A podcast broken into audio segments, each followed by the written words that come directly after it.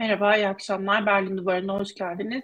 Kızılcık Şerbeti'ni e, takip edemeyenler yasaklanmasından sonra belki e, YouTube'a doğru yönelmişlerdi ve YouTube'da da biz varız. E, ama başka bir şey konuşuyoruz elbette. Avrupa Birliği'ni konuşuyoruz. Avrupa Birliği Türkiye ilişkilerini konuşuyoruz ve aslında e, tam seçim arifesinde e, farklı ittifakların yarıştığını zaten biliyoruz. E, iki ittifakın birbirinden ayrışan belki noktalarına biraz dikkat çekmeye çalışacağız bu yayında. Bir yanıyla da aslında e, çok konuşulan e, bir vaat Kılıçdaroğlu'nun e, muhalefetin Millet İttifakı'nın e, Cumhurbaşkanı adayının vardı. Üç ay içinde vizelerin kaldırılması e, Schengen ülkeleriyle. Kimileri gerçekçi buldu, kimileri gerçekçi bulmadı. Kimileri böyle bir şeyin mümkün asla olamayacağını söyledi. Bilmiyorum bu kadar imkansızlıklar içinde bir e, senaryo mudur bu yoksa daha e, mümkünatı olan yerleri var mıdır? Bunları değerlendireceğiz.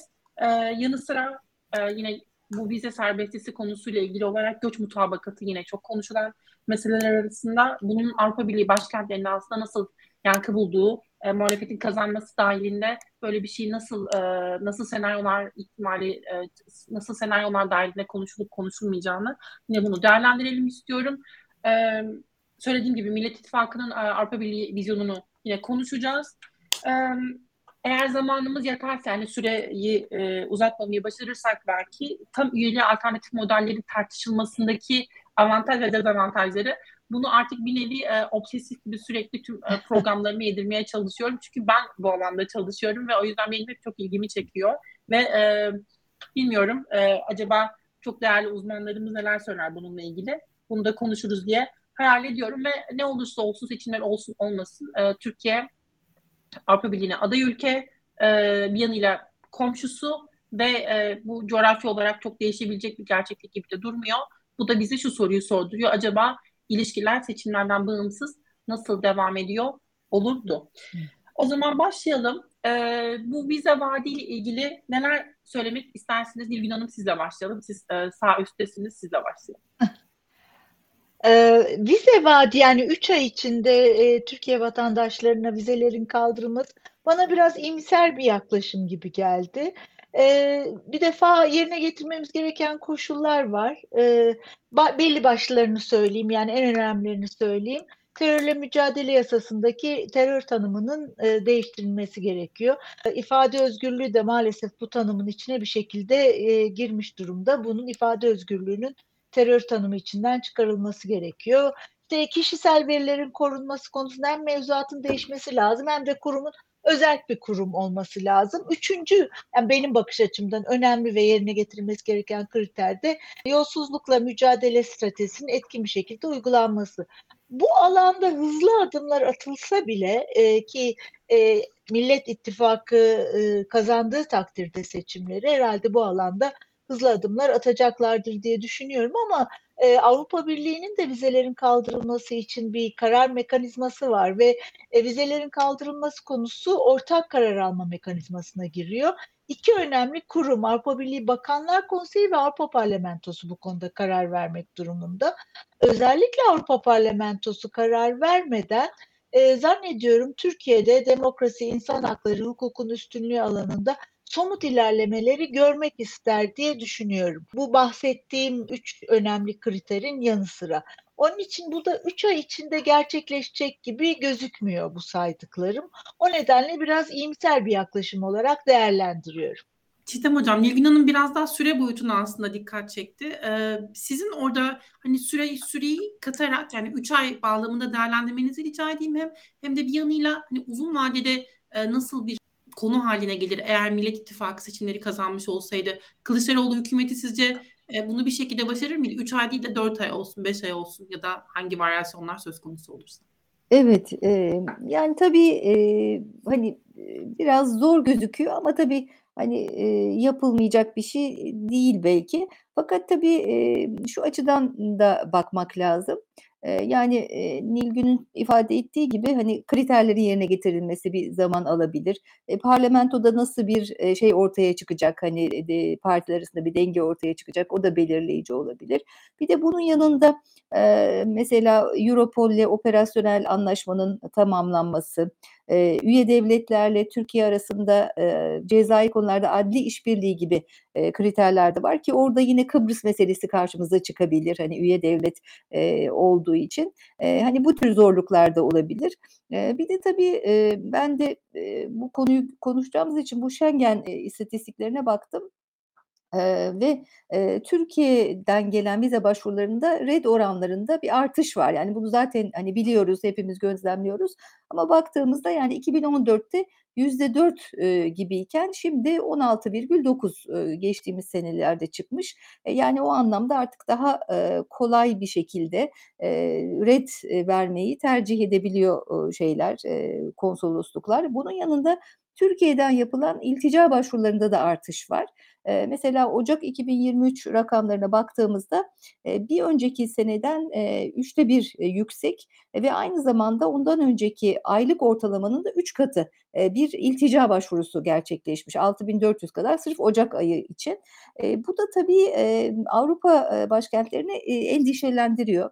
E, şimdi, son olarak mesela İtalya'da göç konusunda, acil önlem almak için bir olağanüstü hâl ilanı, eee, söz konusu oldu. Yani göç konusu, eee, giderek de daha, eee, güvenlikleştirilen bir konu da hâline geliyor. Eee, o yüzden, hani, vizeye olan yaklaşımları şu anda AB'nin nasıl olur? Eee, orada da bir, eee, soru işareti ortaya çıkabilir.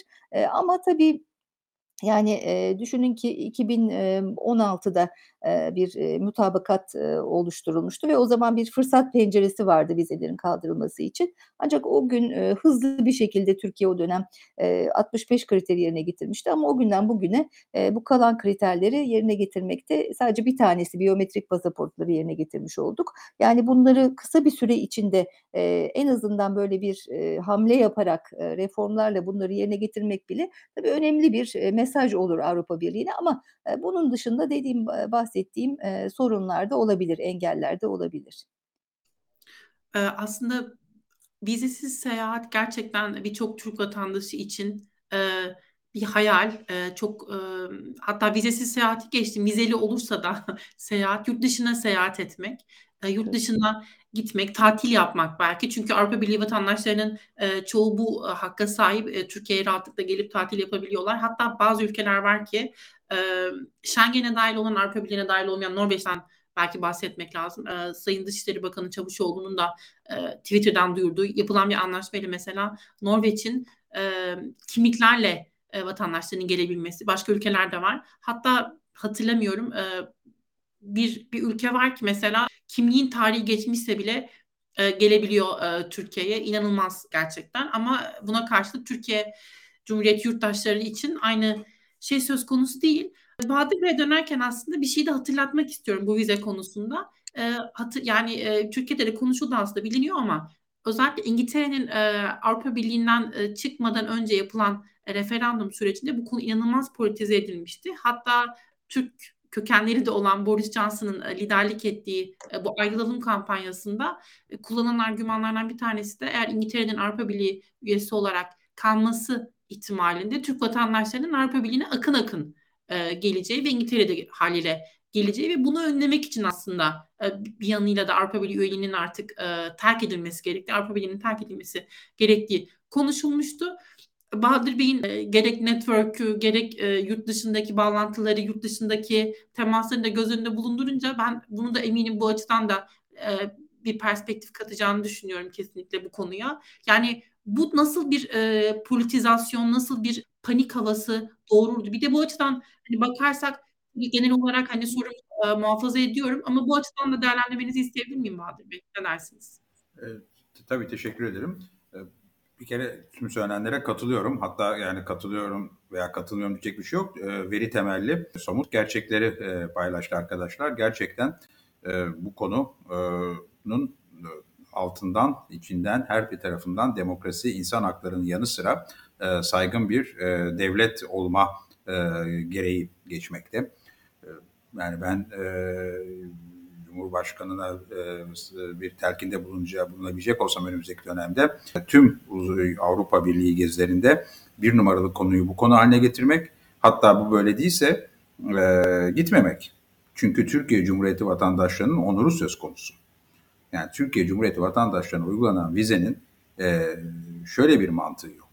E, diyelim ki tamam e, Türkiye'den e, gelecek olan e, insanların, turistler, seyyahlar, öğren, e, akademisyenler arasında belli bir oranda e, istenilmeyen insan olması olasılığı var. Yani gelip kalacak göçmen e, veya işte örgütlü suça bulaşmış e, insanlar. Bunun bir oranı var. Bu oran belli bir e, olasılığı geçtiği için e, X ülkesinden gelenden istenmiyor. Çünkü o onun altında vize. E, Türkiye'den isteniyor. Çünkü belli bir oranın üzerinde risk var. Tamam buraya kadar tamam. İyi de e, vize verildiği zaman tüm belgeler ve dosyası toplandığı zaman o kişinin ve bir kere de vize verildiği zaman artık o grup olasılık olarak o X ülkesindekinden bile daha güvenli bir grup. O zaman niye ömür boyu vermiyorsun? X ülkesinden gelene ömür boyu vize veriyorsun. Vize uygulamamak ömür boyu vize. Yani o aşamadan sonraki durum son derece istatistiki olarak da matematiksel olarak da meşru olmayan e, bir uygulama ve bunu bu şekilde anlatmak gerekiyor. Diğer taraftan tabii yani demokrasi, insan hakları, hukuk devleti konularında, düşünce özgürlüğü, ifade özgürlüğü, e, kişisel veriler gibi konularda e, Türkiye gerekli ilerlemeyi yapmayacaksa zaten ha vize olmuş olmamış daha da batmakta olan bir ülke olur uluslararası rekabet ortamında. Brexit'te de gördük işte, iki tane e, tabii orada biraz e, o dönemdeki yapay zeka uygulamaları şimdikine göre ilkel kalıyorlar ama e, da devredeydi. Yani İngilizlerin bir kısmına belli dönemlerde, e, günlerde, belli anlarda e, e, bir takım dezenformasyon enjeksiyonu söz konusuydu. Bir, bir numara dezenformasyon işte Brexit olursa e, sağlık sistemi e, bilmem kaç milyon mu bir, sterlin bir para geri alacak her hafta e, Brüksel'den gibi abuk sabuk bir şeydi. Öbürü de bu Türklere vize meselesiydi. E, çok kolay istismarı e, mümkün konular maalesef. E, o yüzden e, zor bir süreç olur herhalde. E, eğer Kılıçdaroğlu Cumhurbaşkanı seçilirse bunu hayata geçirmek kolay olmayacaktır. 3 ay. Kolay olmaz ama pardon yanlış hatta anlaşılmayalım. Yani sanırım herkese aynı şekilde. Yani 3 ay içinde belki de başlar demek istedi onu da bilmiyorum. Yani ucunu açar sürecin artık somut olarak gündemde olur ve e, teknik olarak işleyen bir süreç olur demek istedi. E, zor bir süreç olacaktır ama e, muhakkak ki önü açılacak bir süreç olacaktır. Çünkü daha güçlü bir Türkiye olacaktır.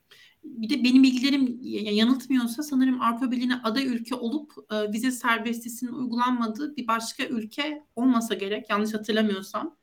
E, düşünüyorum hemen. Aslında bu yaftalamada bir sorun mu var acaba? Yani e, yani vize serbestisi sözcüğü de artık çok geride mi kaldı? Yani aslında yani o biyometrik pasaportlar vesaire tüm o sistemin içine girmek e, Türkiye'nin belli koşulları yerine getirerekten Avrupa'nın iç güvenlik sistemine dahil olması yani daha farklı bir e, belki e, pakete ihtiyaç var. E, o, durumda zaten çok daha denetimli ve çok daha güvenli bir seyahat hareketliliği sağlanmış olunuyor. Koşulların teknik ve biyometrik pasaportların işte içindeki veriler vesaireyi sağladığınız andan e, itibaren dolayısıyla yani bir serbestlikten ziyade daha güvenli bir ortam yaratılması gibi belki Avrupa Birliği vatandaşlarına e, anlatmak gerekir. Çünkü fiilen öyle olacak.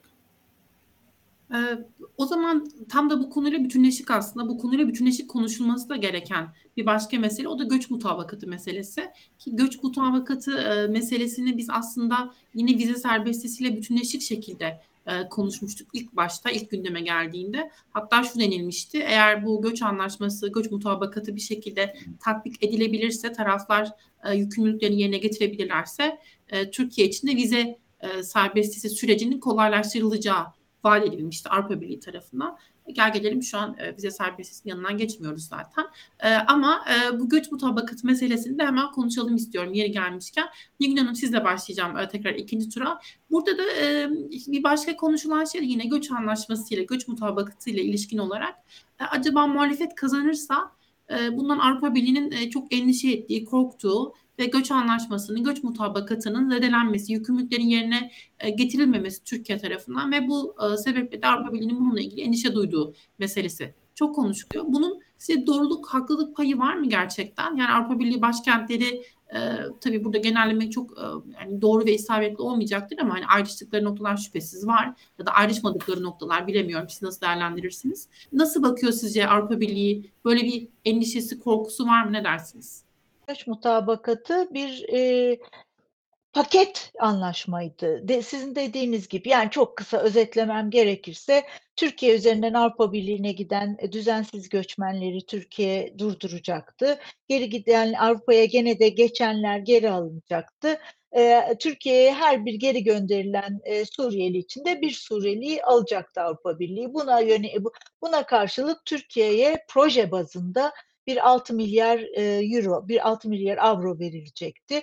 E, özellikle de Türkiye'de yaşayan, Türkiye'ye gelen düzensiz göçmenlerin başta Suriyeliler olmak üzere insani koşullarını yani eğitim, sağlık gibi koşullarını e, düzeltmeye yönelikti bu projeler.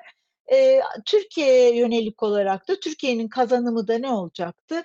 6 e, milyar avro dışında ki bu dediğim gibi düzensiz göçmenlerin yaşam koşullarını iyileştirmeye yönelikti Türkiye'de. İşte e, katılım müzakerelerine hız verilecekti, e, vizeler kaldırılacaktı, bir de gümrük birliğinin e, güncelleştirilmesi müzakereleri başlayacaktı.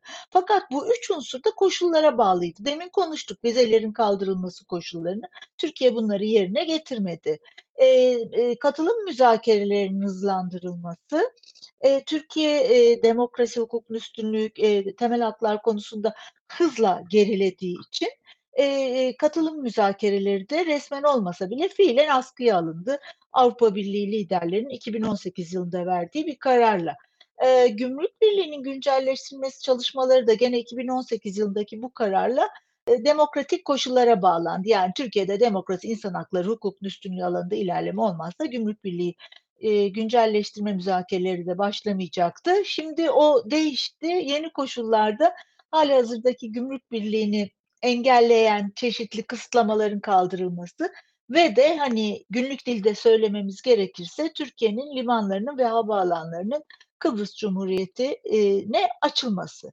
Bunlar yeni, yeni koşul olarak. Yani biz koşulları da yerine getirmedik. Gerçi e, Gümrük Birliği'nin güncelleştirilmesi, müzakerelerinin başlaması için koşullar konulması bana hiçbir zaman mantıklı gelmemiştir. Müzakereler esnasında da koşullar konulabilir ama Şimdi buradan şey e, bu, buna değindikten sonra Avrupa Birliği artık Türkiye ile yapılacak bir paket göç mutabakatı istemiyor. Türkiye gene böyle hali hazırdaki iktidar gene bir mutabakat peşinde ama e, Avrupa Birliği artık e, e, Suriye, Ürdün ve Türkiye'ye gene yaşayan e, e, bu ülkelerde yaşayan Suriyelilerin e, Suriyelilerin ya da genel olarak düzensiz göçmenlerin yaşam koşullarını iyileştirmeye yönelik e, para veriyor. Yanılmıyorsam Türkiye'de 21-2023 yılları için 3 e, milyar avro gibi bir para verilmesi söz konusu gene proje bazında.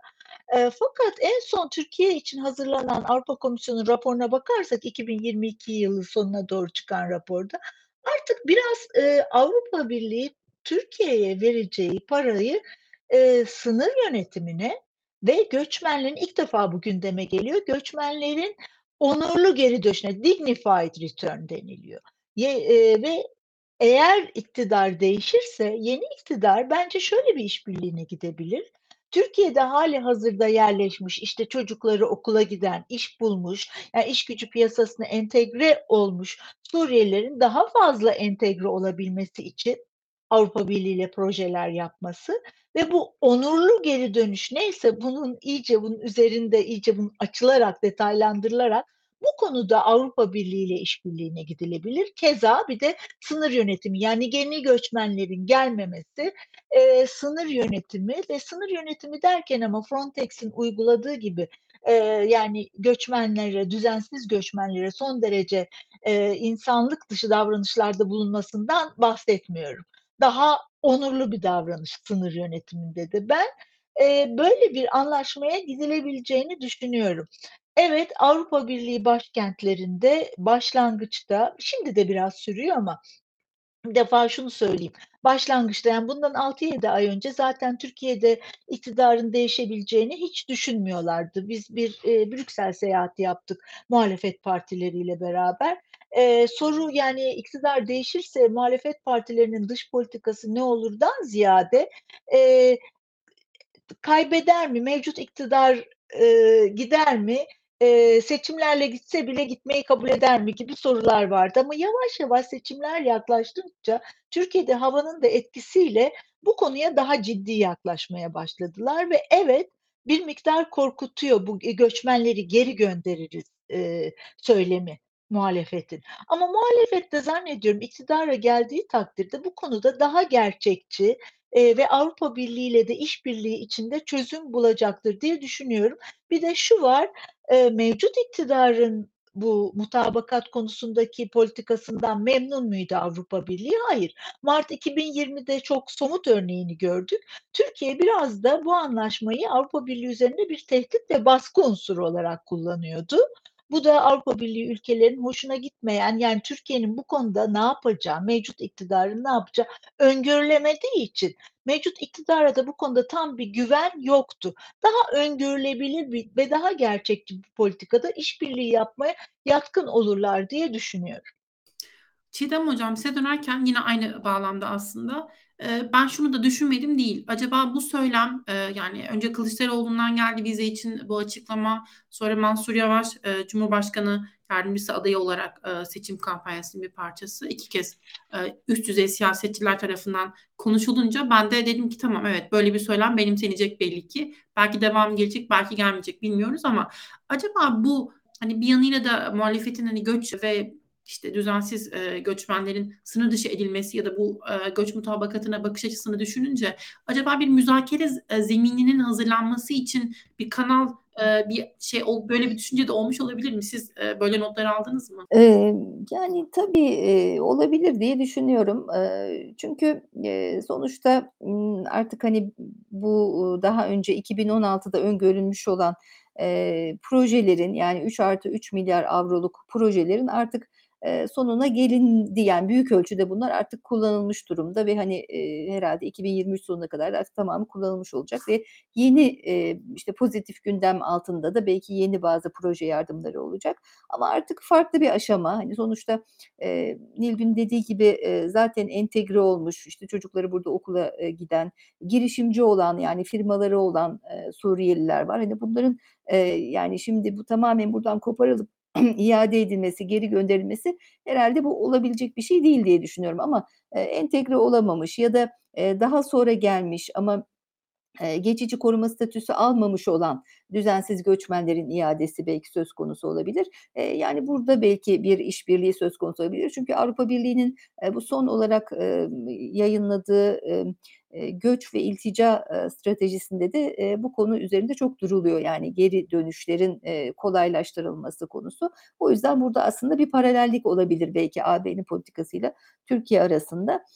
Tabii mesela şöyle bazen söylemler oluyor. İşte biz bu göç mutabakatını uygulamayacağız gibi ama zaten artık hani pek de uygulanmıyor zaten. Nilgün bahsettiği gibi hani birçok unsur zaten hayata geçirilemedi. E, geri kabul anlaşması 2013'te imzalanmış olan zaten uygulanmıyor. Yani o zaten hani belki yürürlüğe girdi ama hiçbir zaman uygulanmadı. Yani o anlamda da zaten hani onun çok böyle bir hayatiyeti de yoktu. O yüzden bunu güncellemek gerekecek diye düşünüyorum.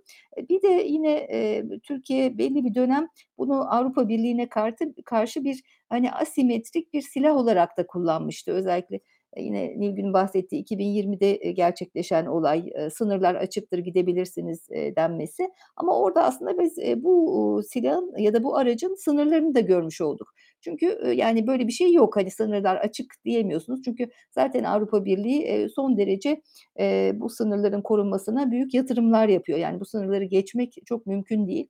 Son rakamlara baktığımızda daha çok Avrupa Birliği'ne giden düzensiz göçün de e, daha çok Orta Akdeniz rotası üzerinden gittiğini görüyoruz. Yani Doğu Akdeniz'de de bir miktar artış var ama daha çok bu Orta Akdeniz'e kaymış durumda.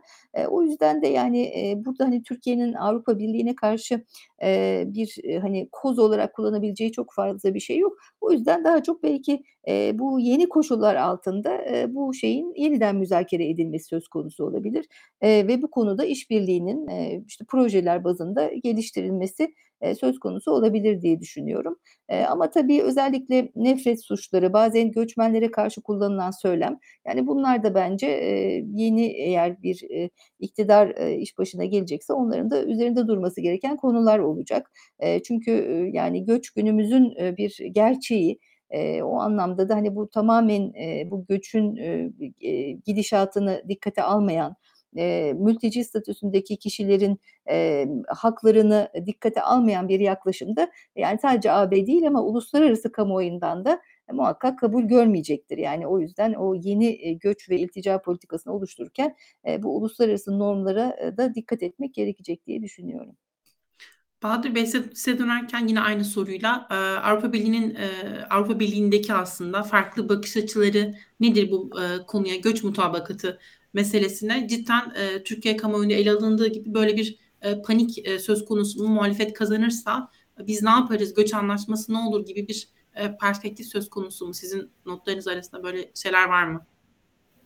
Şimdi Avrupa Birliği'ndeki tüm tabii karar e, alan e, merkezler yani işte Paris, Berlin, Roma hepsi başkentler e, var. Yani bir de Parlament, Avrupa Parlamentosu ve Avrupa Komisyonu var ama onlar hani, yani asıl güç kaynağı değil ama onların da hepsi bir araya geldiğinde bir ulusüstü başka bir güç katmanı yaratıyor. Yani onu da ayrıca dikkate almak gerekir. Yani hiçbiri sorun çıksın istemez. Avrupa Parlamentosu seçimleri var. Her ülkede değişik e, seçim ortamı var. Sosyal gerginlik var. Ko veya koalisyon hükümeti ise onun için sorunlar var. E, yerel seçim var. Şu var bu var. Yani hiç kimse yani tüm e, başkentler kendi e, iç siyasetlerine göre bir de Türkiye ile böyle bir sorunu bir daha yaşamak istemezler. Türkiye'den de bir göç akımı olur mu? Bir dalga dalga olur mu? Bir kere mevcut potansiyelde olur. Artı yine olabilir. E, yani her zaman olabilir.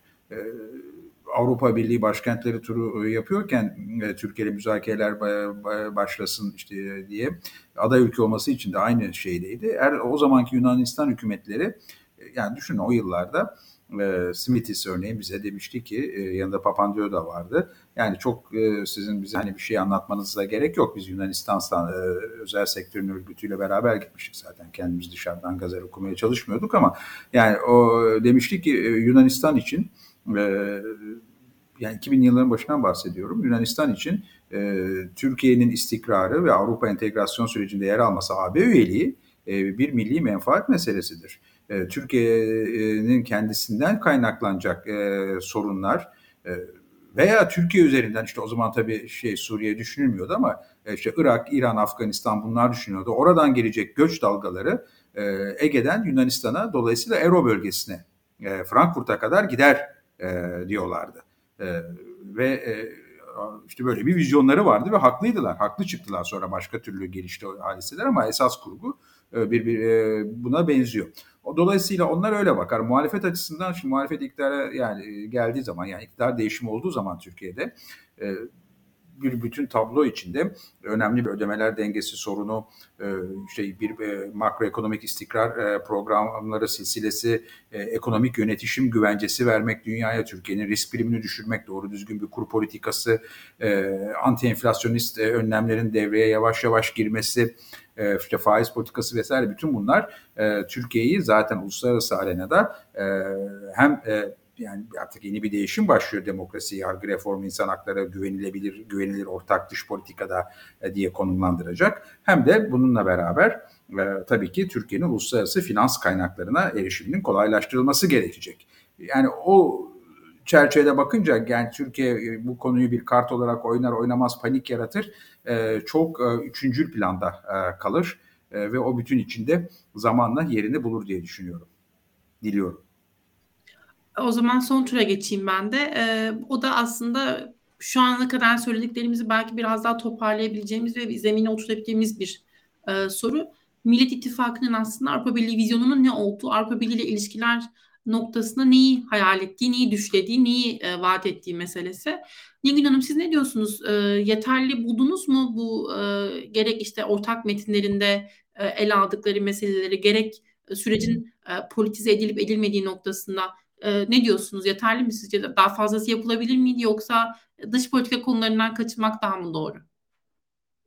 E, galiba yani e, bu ortak mutabakatında Millet İttifakı'nın dış politika diğer e, e, alanlara göre daha az üzerinde durulan konulardan biri. Biraz da galiba e, Millet İttifakı'nı bir araya getiren e, partilerin belki dış politika görüşleri biraz daha farklı. İçeride ne yapılması gerektiği son derece net de e, dışarıda e, dış politikada neler yapacakları çok açıktı. Bir takım ilkelere dayandırıyorlar dış politikalarını. İşte yani e, diyalog, e, huk, e, uluslararası hukuka bağlılık, söylemde değiş e, değişiklik yani tehditkar söylemden vazgeçme gibi. E, geçen gün Çiğdem de politik yoldaki yazısında yazdı. Şöyle bir ifade geçiyor. AB ile süreç diyalog, e, adalet ve eşitlik çerçevesinde yürütülecek. Diyaloğu anlıyorum. Hani adalet herhalde genel olarak hem Türkiye'de hem ilişkilerin adil bir şekilde sürdürülmesi. Eşitliği çok anladığımı söyleyemeyeceğim. Yani e, güzel gözüküyor kavram olarak. Fakat AB ile eğer müzakereleri müzakereleri yeniden canlandırmayı düşünüyorsak bir aday ülkeyle AB'nin eşit olmadığı gerçeğinin farkında olmamız gerekir. Çünkü Avrupa Birliği normlarına, Avrupa Birliği müktesebatına uymamız gerekiyor. Burada taraflar çok eşit olmuyorlar. E, bu ama yani genel olarak bakıldığında daha batı yanlısı, daha AB değerlerini benimsemeye hazır bir ittifak gibi görülüyor. E, Tabii çok fazla ayrıntı yok. Anladığım kadarıyla iktidara geldikten sonra bu ayrıntılar daha ortaya çıkacaktır. Ee, yani AB üyeliği hedefimizdir deniyor. O e, hali hazırdaki iktidar da onu sadece söylem düzeyinde söylüyor. Gitgide uzaklaşıyoruz. Ben e, bir değişiklik olduğu takdirde, Millet İttifakı iktidara geldiği takdirde e, AB'ye daha ciddi yaklaşacağını, evrensel AB normlarını daha fazla benimseyeceğini düşünüyorum. Ama Avrupa Birliği ile müzakerelere bir an önce başlanabileceğini düşünmüyorum. İlk önce Avrupa Birliği de bir görmek isteyecektir diye düşünüyorum. Türkiye'de tekrar e, evrensel değerler demeyi daha çok tercih ediyorum ben. Evrensel değerlere uyumda e, ne kadar ilerleyecek? Bir de tabii bu Avrupa Birliği ile ilişkilerimizin özellikle genişleme çerçevesinde ilerleyebilmesi sadece Türkiye'deki gelişmelere de bağlı değil. Avrupa Birliği'nin genişleme politikası da bunda önemli rol oynuyor. Hoş Ukrayna işgalinden sonra genişleme tekrar gün Ukrayna'nın işgalinden sonra genişleme tekrar gündeme geldi. Bir de tabii Kıbrıs sorununun çözümü. Bu üç faktöre bağlı diye düşünüyorum.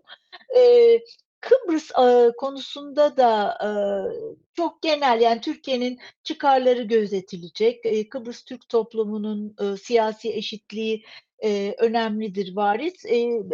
Şeyler var dış politika bölümünde Millet İttifakı'nın. E, iki devlet Türkiye'nin şu anda hali hazırdaki politikası olan iki devlet çözümünü ki Birleşmiş Milletler parametreleri dışında bir çözüm bu. Bunu sürdürecekler midir? Bu konuda bir ortak politika benimseyecekler midir? Bunu bilmiyorum. Ama de, yani özetlemem gerekirse şu ana kadar bütün söylediklerimi Avrupa Birliği ile e, tekrar yakınlaşma özellikle evrensel AB normlarına yakınlaşma başlayacaktır. E, ve de herhalde e, Avrupa Birliği'ne yönelik nasıl bir politika uygulanacağı da zaman içinde daha detaylandırılacak ve daha net bir hale gelecektir. Kıbrıs konusunu bir, birkaç kez tekrar etmek aslında çok yerinde oldu. Çünkü benim de aklıma şey geldi. Geçtiğimiz günlerde Saadet Partisi'nin e, sosyal medyada yayınladığı bir e, video vardı. Orada e, Ecevit Erbakan e, zamanına bir gönderme yapıyordu. Kıbrıs meselesine atıflı aslında birazcık. E, benim de korkum bu meselenin tekrar böyle inanılmaz politize edilmesi ve oradan bir e, muhalefetin kendi yerli milli e, anlatısını e, inşa etmeye kalkması seçimlerden sonra. Umarım e, dış politika kurmayları e, böyle bir hataya düşmezler. O da zaten Avrupa Birliği süreci için bambaşka anlamlara işaret edecektir ama e, onu belki başka bir zaman konuşmak ya da hiç konuşmamak belki görmezden gelmek hiç olmamış gibi davranmak belki daha iyi olur bilmiyorum. Çiğdem Hocam e, siz aslında belki cevap vermek istersiniz. Benim soru sormama da gerek kalmadı bir yanıyla. Bu eşitlik e, ve adalet bilmiyorum sizin, sizin yorumlarınız ne onunla ilgili? Evet. Tabii orada çok katılıyorum çünkü sonuçta e, siz bir birliğe girmek istiyorsanız sonuçta orada bir koşullar var onları yerine getirmeniz gerekiyor. Hani orada bir asimetrik bir ilişki hani tam anlamıyla eşitlik demek orada hani çok doğru belki bir ifade olmamış.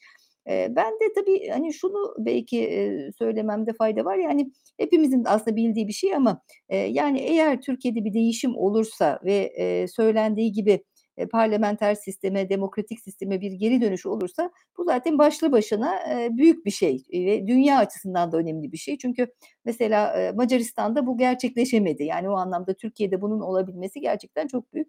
Hani bunun muhakkak bir olumlu yansıması olacak diye düşünüyorum. Ama Tabii hani hemen böyle sihirli bir değnek değmiş gibi e, AB ile ilişkilerde büyük bir iyileşmede olmayacak. Çünkü e, Nilgün dediği gibi onlar da bir bekleyip görmek isteyecekler. Bir de tabii e, ben hani mutabakat metnine baktığımızda tabii güzel ifadeler var. İşte yeşil mutabakatla ilgili, dijitalleşmeyle ilgili, işte gümrük birliğinin e, güncellenmesi yani hani bu gibi konulara değinilmiş. Ama tabii buralarda e, karşımıza çıkacak engeller gerçekten iyi düşünüldü mü? Orada bazı soru işaretleri var. Çünkü bahsedildiği gibi, Nilgün'ün bahsettiği gibi Kıbrıs meselesi her yerde gümrük birliğinde karşımıza çıkıyor, vizede karşımıza çıkıyor.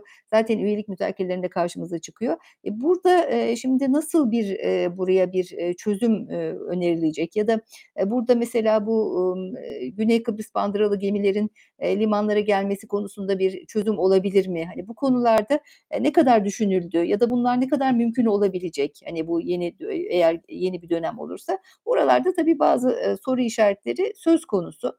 Bunun dışında tabii mesela son dönemde baktığımızda Cumhurbaşkanı Erdoğan hep hani Batı karşıtlığına oynuyor. Özellikle daha Rusya'ya yakın, daha hani Avrasyacı bir eksene yakın gibi ve zaten artık iyice hani muhafazakar bir şeye de büründü onların ittifakı.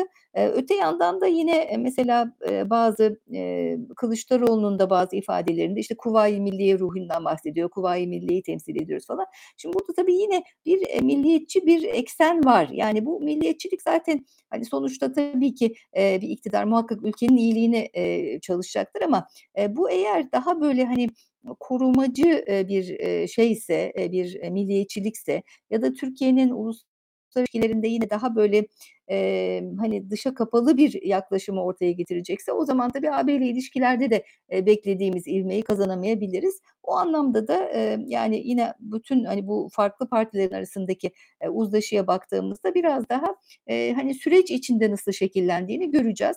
E, ama burada tabii hani gerçekten e, AB ile ilişkileri nasıl e, düzeltileceğine il, ilişkin e, muhakkak niyetler var, e, muhakkak tasarılar var ama somut bir plan var mı? Gerçekçi bir plan var mı?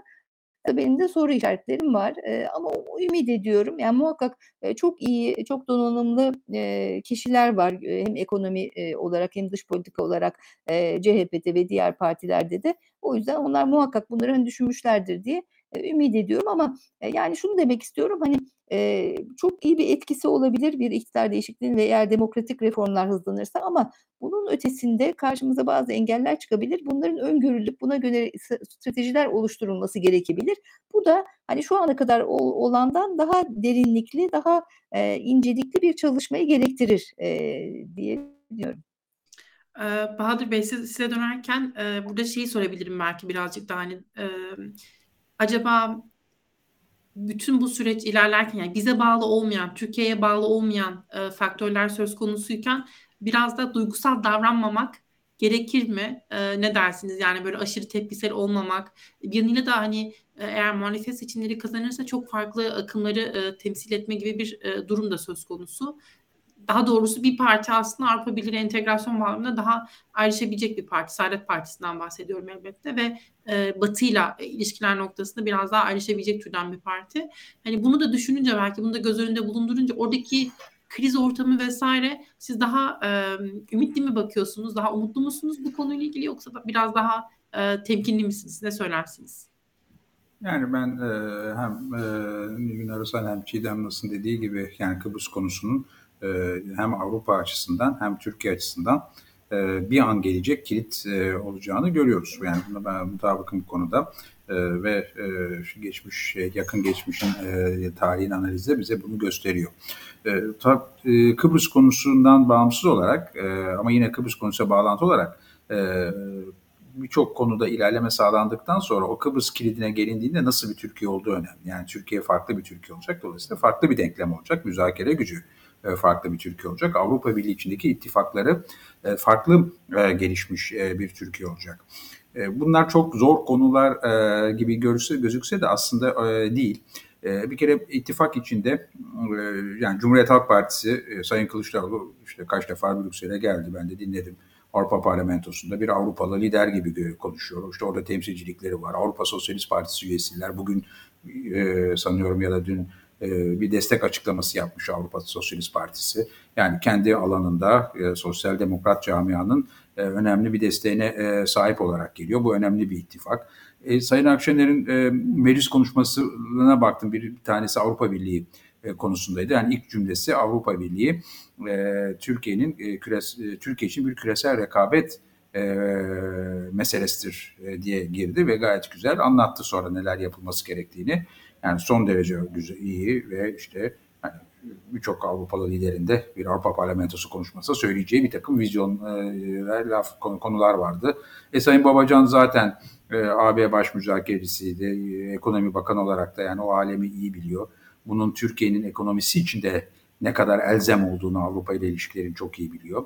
E, Sayın Davutoğlu'nun başbakanlığı zamanında göç anlaşması ve gümrük birliğinin yenilenmesi neredeyse oluyordu e, başbakanlıktan bir e, garip bir şekilde uzaklaştırılmadan önce yani bir e, Washington ve Brüksel gezisinden hemen öncesine denk gelmişti o olaylar. E, orada da bir sorun olacağını sanmıyorum. Demokrat Parti işte kendi geldiğini söylüyor. O gelenek içinde zaten Türkiye'nin AB ile Avrupa Ekonomik Topluluğu ile ilişkilerin işte ilk o ortaklık şey için başvuran gelenekten geliyor. E, orada bir sorun yok. Saadet Partisi açısından da olacağını sanmıyorum. Çünkü yani ister ki başarılı olsun hükümet, kendi iktidarları. E, bunun da en önemli koşullarından biri e, Avrupa Birliği ile e, ilişkilerin düzgün bir hale gelmesi. Avrupa Birliği ile ilişkileri güçlenen bir Türkiye aynı zamanda Rusya ile İran'la, Orta Doğu'da, e, Çin'le ilişkilerinde, Amerika Birleşik Devletleri ile olacak birçok önemli konu açılacak. Tüm e, o ilişkilerde e, de daha güçlü olur. Yani bu sadece bir Avrupa Birliği tercihi değil. Bu dünyada güçlü bir Türkiye tercihi. Dünyanın bir takım bölgelerini veya ülkelerini bırakalım da Avrupa Birliği'ne dönelim değil. Hepsini beraber yapalım konusu. Yani hükümetin yapacağı şeyler belli. Gümrük bir anlaşmasının güncellenmesi gerekiyor. Bunu çok daha teknik bir boyutta siyasallaştırmadan yapmak da mümkün olabilir. Yine müzakere gücüne bağlı Türkiye'nin. Kesinlikle Avrupa dijital e, tek pazarı, Avrupa e, yeşil e, e dönüşüm geçiş e, mevzuatı ve politikaları, sosyal konular e, bu iş, konunun içinde olmalı. Çok e, kapsamlı bir anlaşma olmalı. Avrupa Birliği'nin Japonya ile Hindistan ile e, hazırlamakta olduğu veya Japonya ile yürürlükte olan veya Güney Kore, Vietnam, e, Güney Amerika ülkeleri tüm bu ülkelerle olan anlaşmaları çok derin anlaşmalar. Yani gümrük birliği bayağı gerisinde kaldı e, bu konuların. Dolayısıyla bunları öyle veya böyle de yenilemek gereken bir zaman. Yani bu çok şey bir konu değil aslında. Çok karmaşık bir konu değil. Hatta geçen gün Twitter'da da paylaştım. Yapay zeka ile bir birçok soru sordum Türkiye AB ilişkileri konusunda. E, o kadar güzel yanıtlar verdi ki e, yani onlar zaten işte hani aklın yolu e, bir e, organik veya yapay zeka fark etmiyor. Zeka buraya götürüyor hepimizi. Çok teşekkürler e, bu değerli yorum için de. Böylelikle programı e, tamamlıyor oluyoruz. 43. dakika, e, 45. 45. dakikayı aşmamış oldum. Kendimi de kutluyorum e, süre e, zaman yönetiminden dolayı. Bir şeyi hatırlatmak istiyorum. E, Gürhan Bey bir izleyicimiz e, yorum yapmış. Berlin duvarının solundan e, sağına geçeceğiz sonunda diye. Aslında bunu hep söylüyorum. Berlin Duvarı e, ismini ilk karar verirken e, Daktilo 1984'te program yapmaya başladığında buna e, atıf yapmaya çalışıyordum. Yani Doğu Alman vatandaşlarının çektiği acı, e, ızdırap, gördüklerini gördükleri sadece birkaç kilometre uzaktayken bunlara ne kadar uzak oldukları meselesi ve bir ümitle aslında hep o e, iyi yaşamı, kaliteli yaşamı, insancı yaşamı hayal etmeleri meselesi. E, bize de bunun bir başka boyutu. Çünkü Berlin Duvarı'nın da asıl maksadı aslında o insanları başka bir yerde bırakmaktı. Onların geçişine engel olmaktı. E, kimi zaman duvar e, fiziki olarak varlık gösteriyor. Artık bambaşka bir e, boyutta o duvarın varlığı fiziken de olabiliyor. E, Frontex e, boyutuyla da olabiliyor. E, işte tel de çekilebiliyor vesaire. E, ama o duvarlar umarım yıkılır. E, tüm dünyada, Türkiye'de diye umut edeyim. Değerli konuklarıma gerçekten çok teşekkür ediyorum. Tam bir yıldızlar e, geçidi oldu. E, çok teşekkürler zaman ayırdığınız için, değerli zamanınızı ayırdığınız için, değerli yorumlarınızı paylaştığınız için. İzleyicilere de çok teşekkürler. Çok fazla soru almadık. Demek ki Avrupa Birliği e, o kadar e, ilgi çekmiyor. Biraz da güvensizlik var bence benim e, toplumda. Ama e, hep söylüyorum geçen gün Bahadır Bey'le de konuştuğumuzda biz Erasmus kuşağıyız. E, benim yaş grubum. Ve e, bizim için Avrupa Birliği olmayan, yani Avrupa ile ilişkilerin olmadığı bir e, Türkiye düşünülemez bile. Bu ilişkiler iyi olur, kim zaman kaprisli olur. Her ilişkide olabileceği gibi. Kadın erkek ilişki, romantik ilişkide ya da her türlü ilişkide.